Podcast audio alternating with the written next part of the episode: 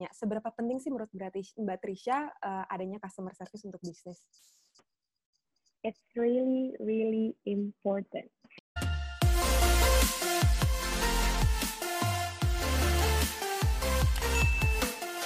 Hello everyone, welcome back to Hashiriri Talk Series episode 4 with me Lulu. Hari ini uh, aku kedatangan tamu yang sangat spesial dia adalah the founder of Zeta Bags. Nah, aku yakin kalian udah tahu ya siapa uh, perempuan ini. Dia namanya adalah Mbak Trisha Chas. Hai Mbak Trisha. Assalamualaikum. Waalaikumsalam. Apa kabar Mbak Trisha?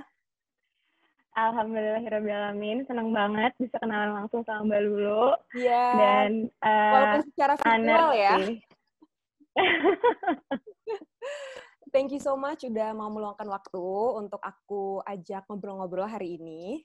Sama-sama, aku pun juga happy bisa mudah-mudahan sharingnya hari ini uh, bermanfaat. Amin. Miss Boss juga keren banget. Aduh semoga sukses ya. Amin. Miss Boss tuh uh, menarik banget. Ini sekarang udah episode keempat ya. Keempat. Wow, pokoknya semoga doain sukses dan Amin. lancar. Thank you so much Mbak Trisha.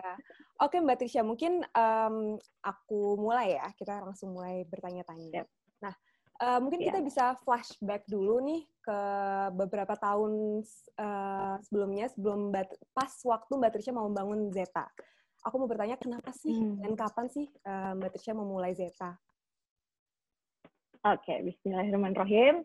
Sebelumnya terima kasih tadi sekali lagi udah diundang. Aku uh, feel honored untuk ada di sini. Uh, Zetabase itu sebenarnya mulai dari tahun 2014. Itu setelah uh, pas banget setelah aku lulus S2 dan uh, berhenti bekerja gitu. Memang dari awalnya tuh pengen banget yang namanya uh, jadi entrepreneur menyenangkan rasanya bisa membuka lapangan pekerjaan sebanyak-banyaknya gitu. Tapi kan yang namanya jadi jadi yang itu kan nggak bisa langsung jadi bos dong, harus belajar dulu kan. Awalnya jadi uh, karyawan nih gitu iya. kan. Nah makanya aku juga uh, belajar ada uh, dua tahun lah. Itu um, jadi sambil jadi karyawan di sebuah perusahaan di Kuningan Jakarta terus aku juga akhirnya uh, apa namanya ambil S2 gitu pokoknya sambil sambil sambil tuh. Nah setelah lulus semua aku juga resign dan akhirnya aku bantu papa gitu kan untuk uh, mengembangkan bisnis patasnya kayak oh, gitu namanya okay. Il Nostro Laundry. Oh, okay. gitu. Iya nah awalnya itu memang saya di challenge sama beliau gitu. Gimana sih caranya bikin penjualan di bisnisnya itu uh, meningkat gitu. Nah kan nggak uh, cuma di bagian accounting atau internal doang kan, aku juga harus duduk di depan, ketemu sama customer-customernya, berinteraksi langsung. Nah dari situlah akhirnya mulai ada percakapan-percakapan, dan akhirnya aku jadi uh, kenal uh, secara personal dengan customer-customer apa apa waktu itu gitu kan. Aku inget banget ada satu tas Hermes ya, mm-hmm. Hermes uh, Picotang, mm-hmm. itu warna kuning gitu. Mm-hmm. Nah itu uh, kan kalau udah selesai di spa itu kan uh, ditaruhnya di, di counter kan, di meja yeah. counter kan gitu. Terus mereka bilang, eh ada customer yang bilang Mbak itu dijual nggak tasnya? Terus aku mikir hah emang ada yang mau ya? Gitu. Kok uh, istilahnya kan dia sebenarnya mampu untuk membeli tas uh, branded tapi emang willing untuk membeli uh, yang second gitu kan. Tapi daripada mikir ya udahlah aku akhirnya cobain teleponin si owner yang punya barang barangnya ownernya juga bilang gini oh ya nggak apa-apa nggak apa-apa. Aku juga udah bosen kok uh, harga dari aku ternyata mau ya? gitu.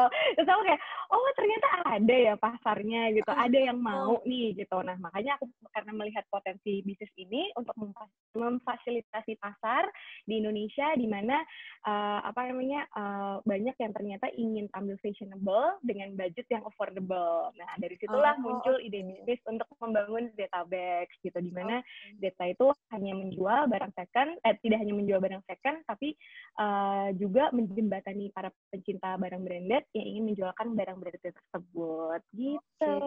Oh jadi sebenarnya nggak hanya uh, second hand bags ya yang dijual di Zeta ya? Mm -mm, mm -mm. Apalagi ada banyak produknya gitu. selain uh, bags ada ada apa lagi sih di Zeta? Ada sepatu, ada aksesoris. Pokoknya selama itu branded bags dan uh, merek yang masuk sama Zeta itu pasti uh, kita bisa jualin. Gitu. Oke hmm, oke. Okay, okay. Dan berarti Zeta tuh uh, target marketnya ada dua ya, unit buyer dan juga seller, iya ya? Uh, iya. dan dan seller itu sebenarnya kalau mau dibilangin target pasar ada A plus eh, A dan B plus. Oke. Okay.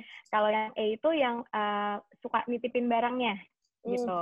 Dia menjadi penitip gitu kan.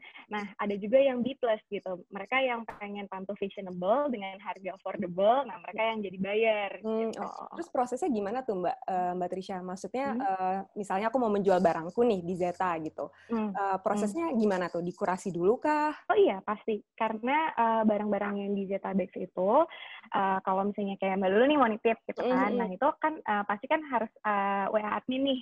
Hmm. Uh, aku mau nitip dong barang. Nanti akan dikasih tahu possible apa enggak gitu untuk barang tersebut. Karena oh. nggak semua model dan kondisinya juga sangat-sangat picky jadi hanya di atas 85% yang kita berani untuk jualin. Oh oke gitu. oke. Oke. Nah uh, yang aku pengen tanya nih um, aku pernah baca online ya. Um, Mbak Trisha mm -hmm. tuh menamakan uh, bisnisnya ini Zeta. Yang aku pernah baca itu uh, dari Ital bahasa Italia ya yang artinya Z uh, iya Z apa huruf terakhir ya, dari Z ya. Kebetulan aku juga bisa bahasa Spanyol Mbak Trisha, jadi aku tahu Z itu in Spanish itu Zeta juga. Nah makanya oh. aku, aku pengen nanya nih kenapa namanya Zeta gitu. What's the philosophy behind it gitu? Oh, Oke, okay. jadi ya tadi kan uh, Z itu kan bahasa apa uh, kelas apa huruf terakhir dari abjadnya yeah. uh, gitu ya. Nah filosofinya itu uh, aku pengen ya Zeta itu menjadi uh, tempat terakhir bagi barang-barang branded pre-love untuk mempertemukannya pada orang-orang yang menginginkannya. Oh gitu. wow, keren banget. gitu. Sampai ada artinya gitu ya, kan, kenapa Z, kenapa Zeta gitu. Iya gitu. Emang karena kan dari dulu kan dari umur belasan kan ayah kan juga suka uh, ngajakin ke Eropa itu kan bukan cuman ya kayak mungkin apa ya jalan-jalan atau leisure time. Enggak itu justru aku benar-benar ditinggal untuk belajar sama profesor di sana itu di Bolonya oh. sama di Jerman waktu itu okay. ya dan itu maksudnya bener-bener ya ayahku sama mama ya jalan-jalan sendiri gitu kan terus aku kayak ditinggal gitu bener ditinggal gimana sih caranya iya gitu e, untuk untuk deal dengan uh, apa how to treat leather and sweat goods gitu dari situlah akhirnya aku mulai cinta sama oh ternyata hmm. it's not easy ya gitu untuk untuk uh, apa namanya taking care of leather goods gitu apalagi hmm. itu branded gitu kan nah, jadi dari situlah mulai oh jadi passionnya dari situ ya Mbak Trisha ya di saat Mbak Trisha ditinggal mama papa jalan yes Oke, okay, um, berarti ini udah berapa tahun nih Zeta? Udah enam ya? Iya, ini jalan tahun ke enam. Enam tahun. Nah, uh, selama enam tahun ini siapa sih uh, yang menginspirasi Mbak Trisha untuk terus membangun Zeta? Oke, okay. yang paling paling menginspirasi itu papa ya, karena uh, apa ya aku tuh sering banget mbak Lulu kayak nyerah gitu. Orang kan ngeliat dari jauh, dari luar tuh kayaknya enak banget ya bisnis lo gitu. Kayak lo suka sama branded bags. Terus anytime lo pengen punya, lo tinggal cari dari butik lo. Lo tinggal mm. beli sendiri gitu kan. Atau enggak, lo kayak gampang banget sih lo setiap live uh, jualannya kayak kacang goreng gitu. Tapi nggak mm. tahu di belakang itu tuh wah berdarah-darah gitu rasanya tuh kayak sering banget pulang ke rumah atau lagi main ke rumah bokap terus kayak nyerah papa gitu kayak gak kuat gitu nih ternyata sangat-sangat sulit gitu kan. Terus ya bokap bilang, harus bersyukur. Cara kita bersyukur apa? Cara kita bersyukur adalah uh, kita sadar bahwa nggak semua orang punya kesempatan untuk dikasih bisnis, ya kan? Nggak semua orang dikasih kesempatan juga untuk menjalani bisnis yang se-challenging ini. Bayangin ini branded bags gitu kan? Iya, betul. Gimana ya? Istilahnya uh, kalau uh, apa resikonya tuh sangat-sangat besar gitu. Nah, kebetulan aku dari umur 20-an kan udah menjalani bisnis ini kan gitu. Jadi kebayang uh, apa dari sisi uh, mental juga harus sudah kuat gitu menghadapi segala drama. Iya, iya benar-benar. Iya gitu. Jadi dan dan itu yang bikin ayo semangat terus keluargaku juga luar biasa sih supportnya suamiku, uh, nyokap, kakak-kakakku juga gitu kan. Mereka tuh bener-bener supportive banget gitu. Uh, mereka tahu gitu once aku kayak udah give up gitu ya uh, nggak bisa harus terus gitu karena ya kalau ini bisnisnya nggak berkah nggak mungkin kan uh, anak asuh uh, Zeta sebanyak itu atau Terus. kita akhirnya uh, bisa aku bisa bikinin uh, papa masjid gitu kan nggak mungkin kalau ini nggak berkah gitu jadi ayo semangat semangat ini tuh emang uh, challenge-nya gitu jadi seorang pebisnis gitu. Challenge-nya tuh sangat-sangat berat ya. Dan tadi Mbak Trisha bilang sempat hampir give up. Pernah tuh Mbak Trisha hampir yes. mau give up? Uh, iya pernah. Tahun lalu tepatnya kayak udah. Oh iya. Kayak gue udah aduh dia bisa dijual aja nggak sih? Atau gue IPO-in terus gue jual. Sempat sempat sempat banget tapi gitu. alhamdulillah Cuman, berjalan terus ya. Iya iya karena banyak yang nggak percaya kok bisa sih? Gitu uh, lakunya banyak gitu settingan ya gitu karena ya kak kak Ivan waktu itu juga penasaran pas ngeliat sendiri eh beneran Riz? Aku beneran? Masuk rekening? Beneran? Gitu langsung heboh gitu. Oh ternyata seru gitu kan. Ya maksudnya ya for some people ya ya mereka bilang nggak usah pikirin lah Riz gitu kan. Pasti ada gitu. aja yang namanya bisnis cuman uh, kadang kalau misalnya mungkin akunya aja kalau yang belum siap mental ya kalau dapat komen-komen yang nggak enak tuh gitu aku pasti udah langsung bad mood gitu jatuhnya gitu. Jadi kayak aku bilang uh, ya apa, namanya juga perempuan Mbak Trisha kita suka baper. Iya iya gitu. Makanya kan dia kayak aku wanti-wanti nih kayak ke ke siapa nanti kalau ada yang uh, black campaign dan ah udah biasa ya. Mereka cara mereka artis kan soalnya itu udah biasa terus paling cuma dibaca terus kayak ya udah beda gitu kan. Ya nggak nggak peduli gitu. Gitu. Ya memang ternyata uh, uh, segala uh, tantangan yang Allah kasih ke kita itu sebenarnya untuk naik kelas sih gitu. Ya, jadi aku menyadari setiap aku berhasil untuk menghadapi segala sesuatu yang aku bilang itu berat gitu gitu. Ternyata Allah udah maksud lain. Nah itu yang aku uh, apa yakini gitu. Keren sekali keren sekali. Nah uh, Mbak Trisha aku pengen nanya nih. Berarti sekarang hmm. tokonya Zeta ada hmm? ada ada di Kemang ya? Iya ada di Kemang. Oke. Okay. nah um, aku pengen tahu nih selama pandemi ini tuh sebenarnya kena nggak sih dampaknya Zeta maksudnya kan ada toko ya kan tapi kan online juga jalan. Uh, Betul. Yang pasti sih eh, nggak uh, ada perusahaan yang nggak kena atau akan si uh, apa uh, pandemi ini gitu. Semuanya pasti kena.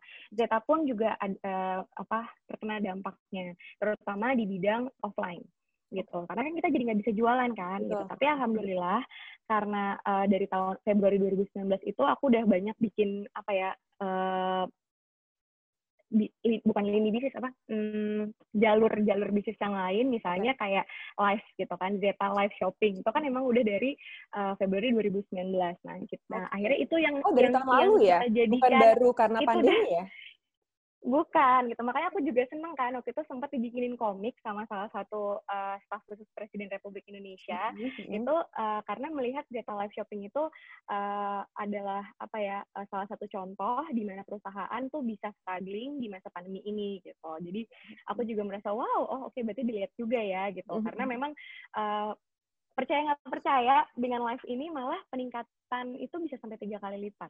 Wow.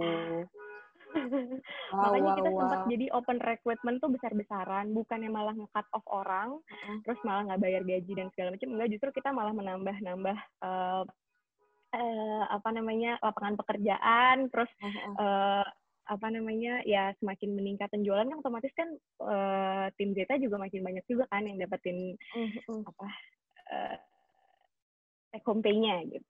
Benar-benar. Tapi pokoknya masih on, gitu. masih buka ya Mbak ya? Ya waktu itu kan sempat benar-benar nggak bisa buka kan. Nah, tapi mm. sekarang alhamdulillah uh, udah berjalan walaupun dengan protokol kesehatan yang cukup uh, strict gitu kan kayak ya, masuk pasti. tuh harus pakai sarung tangan plastik. Di limit ya orang boleh mereka, masuk? Di limit di limit. Okay. cuman lima orang uh, pengunjung yang boleh. Dan itu tiap 30 menit sekali harus gantian. Jadi kalau misalnya mereka bilang aduh mbak Trisha aku tuh udah udah pengen belanja banget. Oke okay, lo harus pikirin dari rumah lo mau yang mana biar dalam 30 menit tuh lo bisa ngambil ngambilin barang lo transaksi habis itu gantian sama yang lain gitu Oke, okay. nah um, pertanyaan sel selanjutnya nih Mbak Trisha, aku pengen hmm. uh, nanya soal uh, range harga yang di tas-tas yang dijual di Zalando dari 5 juta sampai berapa ya? Aku pernah baca tapi aku lupa. Ada yang sampai 2 miliar. Ada sampai 2 miliar. Dan kualitasnya harus tadi Mbak, Mbak Tisha bilang di atas 80 persen ya? 85 persen. Gitu. Jadi kalau misalnya zippernya nggak working atau misalnya ada uh, robek atau misalnya kikisnya terlalu parah. Karena kan aku juga, maksudnya papa kan punya spa. Jadi aku tahu dong batasan di mana hmm. barang-barang itu bisa di spa. Gitu. Kalau misalnya masih possible untuk di spa, di touch up misalnya, nah itu biasanya kita masih terima. Tapi kalau misalnya udah hmm. bener-bener nggak mungkin, nah kita udah, udah kelak gitu. Oke, oke, oke. Nah, tapi ya aku bisa ngebayangin nih salah satu kesulitan yang mungkin Mbak Trisha alami awalnya tuh bagaimana sih meyakinkan customers bahwa barang-barang di Zeta nih uh, 100% asli dan kualitasnya bagus gitu kan ke seluruh customer di seluruh hmm. Indonesia basically gitu. Itu gimana tuh Mbak Trisha? Konsistensi dalam pelayanan Jadi apa yang kita uh, lakukan itu harus selalu konsisten dalam uh, memilih memilih-milih barang yang mau diterima untuk dititip jualkan itu juga benar-benar harus dengan seleksi yang sangat uh, ketat gitu. Nah, karena uh, jadi ketika penitip misalnya merasa, oh kok barang gue bagus, tapi ternyata ditolak nih sama tim konsign, loh kenapa ditolak? Oh iya bu, karena menurut kami kondisinya tidak uh, sebagus layak. itu gitu, uh, uh, uh, tidak layak untuk dijualkan gitu. Akhirnya kan penitip jadi berpikir, oh one day kalau gue menjadi pembeli nih, hmm. uh, berarti Zetabex benar-benar delivering quality yang sangat bagus karena gue pun ketika nitip pun uh, benar-benar dipilih gitu barang-barangnya gitu. Karena kan ada dua pilihan kan. Satu uh, minimal ada dua dua dua dua alasan lah kenapa barang itu ditolak gitu. Satu karena memang kondisi di bawah 85 persen. Yang kedua uh, barang itu tidak otentik gitu. Iya. nah itu itu itu alasan. Dan dan uh, layernya pun juga uh, cukup panjang gitu kan. Uh, untuk sampai akhirnya barang itu boleh masuk ke Zetabex dan kita jualkan itu di online dan offline. Jadi memang prosesnya gitu. sebenarnya nggak nggak nggak cepat dia memang panjang dan itu harus diyakinkan uh, keasliannya dan lain-lain dan ya jadi customer hmm. yakin kalau mau belanja di Zeta gitu ya yang mereka beli pasti kualitasnya sebagus itu.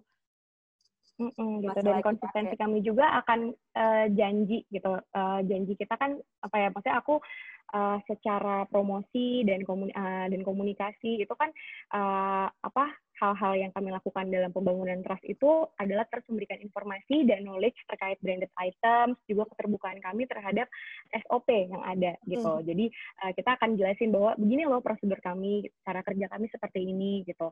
Sehingga uh, uh, apa mindsetnya penitip dan pembeli juga oh gue aman nih gitu. Apalagi ada jaminan money back guarantee kalau sampai barang itu tidak otentik gitu. Kita akan bisa kalau misalnya sampai akhirnya kelolosan itu kita bisa benar-benar uh, mengganti 100% uh, plus ongkir-ongkirnya juga kalau ada gitu.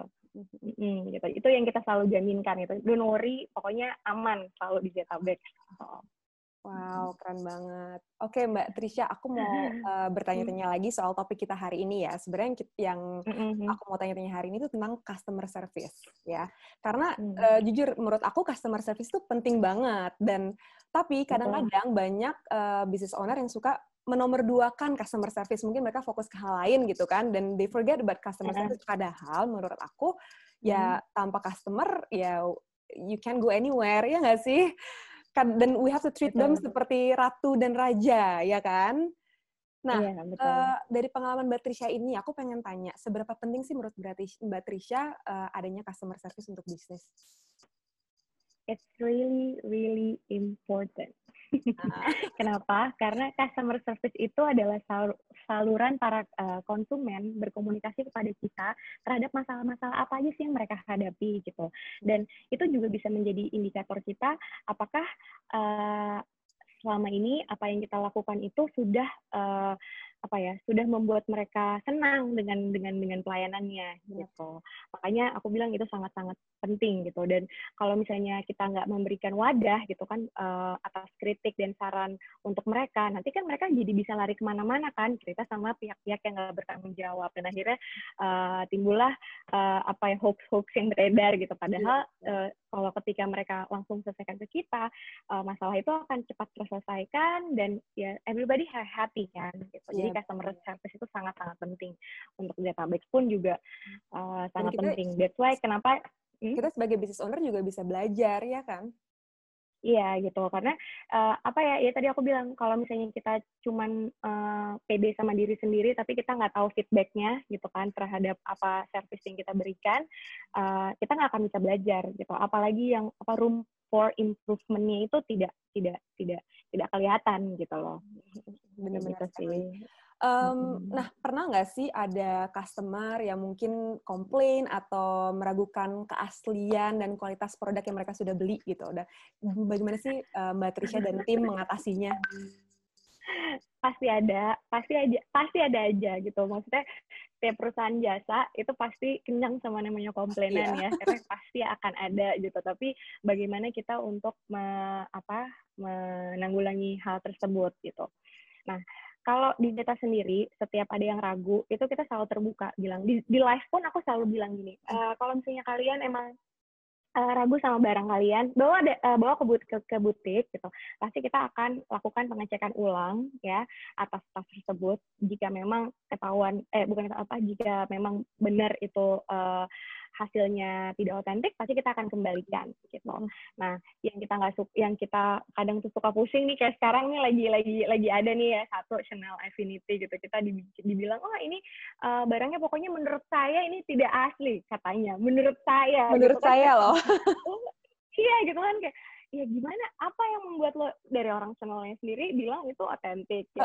kita pun uh, kita pun bekerja sama dengan uh, uh, authenticator independen yang ada di Amerika kita memang punya kerjasama udah mungkin sekarang ini tahun kedua lah ya kita mm-hmm. kita jalin kerjasama itu gitu. Karena kita juga uh, perusahaan yang berbadan hukum. Jadi kita juga hanya beker, berani bekerja sama dengan perusahaan atau lembaga yang berani menjaminkan uh, hasil pengecekannya mm-hmm. gitu. Jadi kan jasa kita juga akhirnya nggak cuman uh, jual beli uh, second mm-hmm. tapi uh, kalau ada yang mau ngecek pengecekan keaslian bersertifikat juga bisa, bisa juga. karena kita disupport sama uh, uh, karena kita disupport sama si uh, uh, company tersebut gitu. Dan sebenarnya banyak sekali uh, authenticator independen luar lainnya yang uh, apa namanya yang memang sudah terregistrasi gitu kan tapi uh, dia tidak bisa menjaminkan gitu. Itu yang itu yang uh, kadang apa jadi jadi apa ya jadi bikin ya itu aku bilang kan kalau misalnya memang uh, kalian ragu silahkan bawa barangnya gitu. Uh, uh, kita nggak akan bisa menerima cuma dari opini seseorang karena kalau opini semua orang bisa beropini kan gitu kayak mbak Lulu juga bisa beropini kan betul, tapi betul, based on apa iya, gitu yeah, bener, itu bener. yang harus benar-benar ditelaah lagi gitu yeah, yeah, yeah. aduh oke okay. uh, nah terus uh, mbak Trisha membangun customer retention tuh gimana sih di Zeta? Karena jujur ya, setiap kali aku ngeliat live atau aku buka Instagram Zeta, banyak sekali nih kayak WhatsApp-WhatsApp dari customer gitu kan yang bilang, aku udah udah dua kali nih belanja di Zeta, aku seneng banget, puas banget. Atau pas Zeta live shopping kayak, aku udah berkali-kali shopping di sini memang luar biasa gitu, aku aku puas banget gitu. Nah, how do you build that customer retention yang bikin customer tuh pengen balik lagi, belanja lagi di Zeta gitu? Iya, yang pastinya harus punya excellent service quality karena itu menjadi prioritas kita dalam membangun customer retention gitu. Nah, kalau ada uh, apa kalau ada customer komplain itu juga harus benar-benar uh, dilayani secara tuntas dan uh, memberikan follow up pada customer yang uh, yang apa yang sudah membeli dan memberi uh, yang sudah membeli uh, dan menitipkan barang ke kita gitu. Makanya kan juga aku aku tuh jujur ya kalau ngomongin customer service ditanya, Mbak Trisha punya nggak uh, tim yang khusus untuk customer service? Kita nggak ada. Justru oh, aku okay. uh, mengencourage yes, aku mengencourage everyone in this in this data family gitu, aku sebutnya family ya, uh, harus bisa mengerti uh, apa namanya uh, uh, eh, SOP dan prosedur yang ada di Zetabex dari A sampai Z. Kenapa? Karena uh, misalnya kayak uh, pembelanjaan online gitu kan. Pembelanjaan online aja kan uh, adminnya kan beragam nih. Akan ada, let's say ada empat admin gitu kan. Nah, mereka setiap udah uh, mengirimkan barangnya dan sudah lihat nih misalnya di Tiki atau di JNE, oh ini udah keterima nih barangnya. Itu harus memastikan, Hai Mbak, bagaimana uh, dengan pelayan, uh, dengan barangnya? Apakah memuaskan? Bagaimana hmm. dengan pelayanannya? Apakah memuaskan juga? Jadi kan ya udah masing-masing admin dong ya nggak sih? Udah udah harus bertanggung jawab atas barang yang dikirimkan. Nah itu yang hmm. pertama. Yang kedua juga uh, store assistant yang ada di uh, butik gitu. Aku nggak aku memang ada yang namanya senior ada junior. Tapi aku udah uh, menuntut mereka untuk uh, kalian tuh bukan uh, kalian tuh harus punya product knowledge yang bagus gitu. Kalian harus bisa menjelaskan dengan bagus. Karena yang namanya uh, customer kita kan kebetulan orang-orang berada ya kan? Nah orang-orang berada itu kan cenderung mohon maaf kayak uh, meremehkan atau kayak uh, kayak gitu kan ngerti kan maksudku mm-hmm. gitu. jadi aku mm, aku bilang sama mereka kalau kamu kalian pengen dihargai uh, sejajar sama mereka kalian nggak nggak nggak boleh cuma hanya cantik atau ganteng tapi kalian harus punya product knowledge yang bagus cara menjelaskan dengan baik gitu. Dan uh, apa namanya uh, tenang dalam menjawab jangan jangan pernah uh, terpancing emosi separah parahnya misalnya udah udah bener-bener uh, kelewatan gitu kan. Kita kan punya security punya uh, brimob punya apa. Jadi ya ya Iya, ya baru akhirnya kita itu udah cara terakhir lah kalau misalnya memang benar-benar nggak bisa terhandle gitu. Tapi basicnya aku memang uh, uh, mengajarkan dan menuntut semua di apa tim di Zetabex itu untuk benar-benar paham prosedur uh, dari semua uh, eh, SOP di Jetabex gitu. Kayak misalnya titip jual aja tuh ada 32 poin loh dan itu kan kayak Hah, banyak banget poinnya Bu. Kita harus ba uh, kita harus baca Bu, kita harus apa? Iya, kenapa? Karena misalnya nih, misalnya nih ada yang komplain, "Mbak, uh, uh, saya tuh udah udah stop kok saya belum transfer transfer. Gimana sih database sih lama banget nih gitu kan. Kan udah jelas H plus 5 setelah stop akan diinfo dan ditransfer ke rekening yang sudah dituliskan di consignment receipt misalnya itu satu atau yang kedua.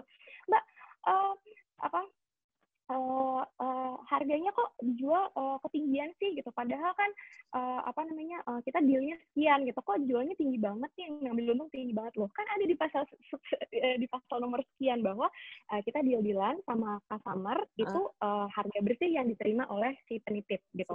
Nah kita punya hak untuk menaikkan harganya gitu. Uh, dari harga yang uh, sudah didealkan dan itu nggak bisa dirubah-rubah gitu. Apalagi kalau tiba-tiba customernya pengen lebih tinggi. Jadi dengan mereka udah paham betul dengan segala SOP yang ada dan dan mereka paham bahwa itu untuk melindungi database dan uh, apa namanya dan dan dan uh, penit, uh, dan customer juga gitu akhirnya ya semuanya kan sama-sama nyaman gitu apalagi kan database sebenarnya udah dari tahun lalu kan udah ada corporate lawyer. Nah, hmm. corporate lawyer itu sebenarnya fungsinya apa? Untuk menjaga kita dari hal-hal yang uh, di luar uh, apa ya istilahnya uh, mereka ini berusaha untuk mem, mem, apa, membuat database itu untuk tetap di jalurnya, di jalur yang benar gitu. Jangan sampai menyalahi uh, sesuatu yang uh, ya pokoknya di luar law and regulation. Mm gitu sih. jadi ya udah segitunya gitu. Kita punya corporate lawyer punya business coach punya HRD gitu. Udah memang berkembang. Padahal yang tadinya cuma bisnis rumahan gitu yang semuanya ya, aku kerjain sendiri luar biasa sekali loh mbak gitu ya kan? dari bisnis rumahan dan dimulai dari waktu mbak Trisha bekerja di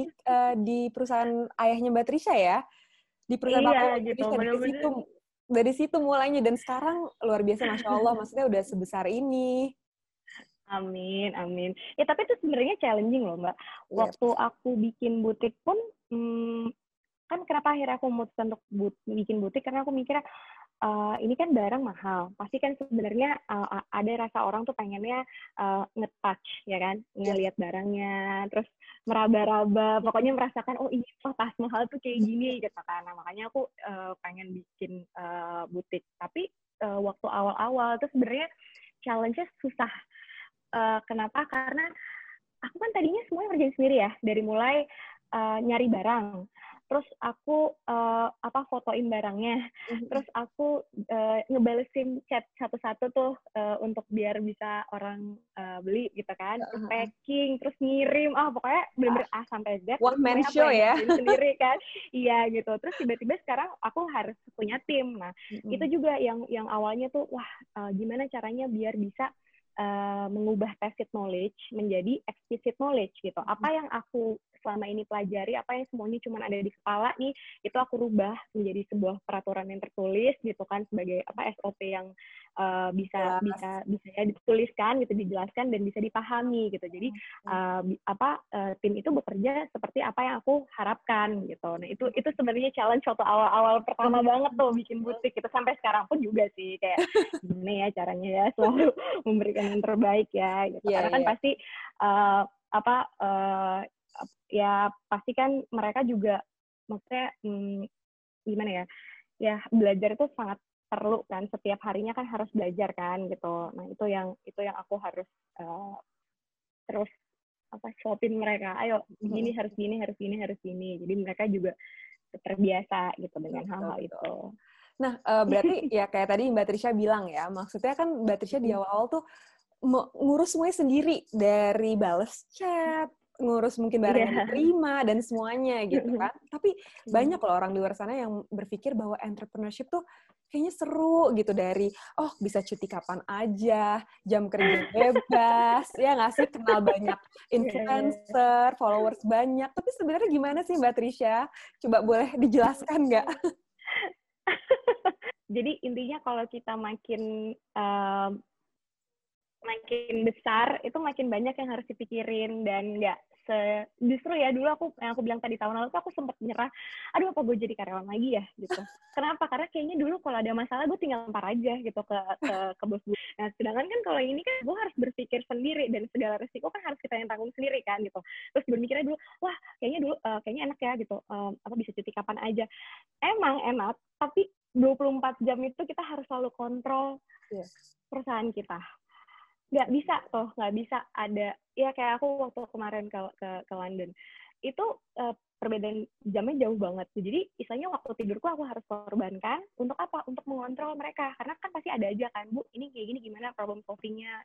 Uh, walaupun udah ada layering ya misalnya kayak supervisornya ada hmm. ada uh, lawyernya juga ada. Tapi kan tetap aja kita pasti uh, apa pengennya uh, langsung involve kan dalam setiap permasalahan itu kan gitu. Nah itu itu tuh susah banget sebenarnya untuk uh, jadi kangen gitu gitu. Gue nggak usah mikirin kantor ya kan gitu kayak kayak ya udah udah selesai jam sampai jam lima udah selesai di kantor orang terus udah kita santai tidur gitu tapi kalau misalnya udah kerja tuh nggak mungkin eh udah udah udah punya perusahaan tuh udah nggak mungkin karena banyak banget pasti yang harus dipikirin A sampai Iya, dan kalau dibilang kayak jam kerja fleksibel, nggak juga ya nggak sih? Kayak kalian tuh harus bekerja 24-7 loh. Every betul, day. Betul. Yes. Tapi nggak ada liburnya ya? ya? Kalau jam 2 ada masalah, tetap harus, uh, iya. kayak kemarin 4 hari libur nih, orang-orang bilang, wah cuti bersama. Kita justru makin keras, uh, apa namanya, uh, usahanya gitu kan. Kayak, oke, okay, di saat libur lah kita harus bekerja gitu. Kayak gitu. Jadi memang nggak, kayaknya lebih nyaman jadi karyawan ya.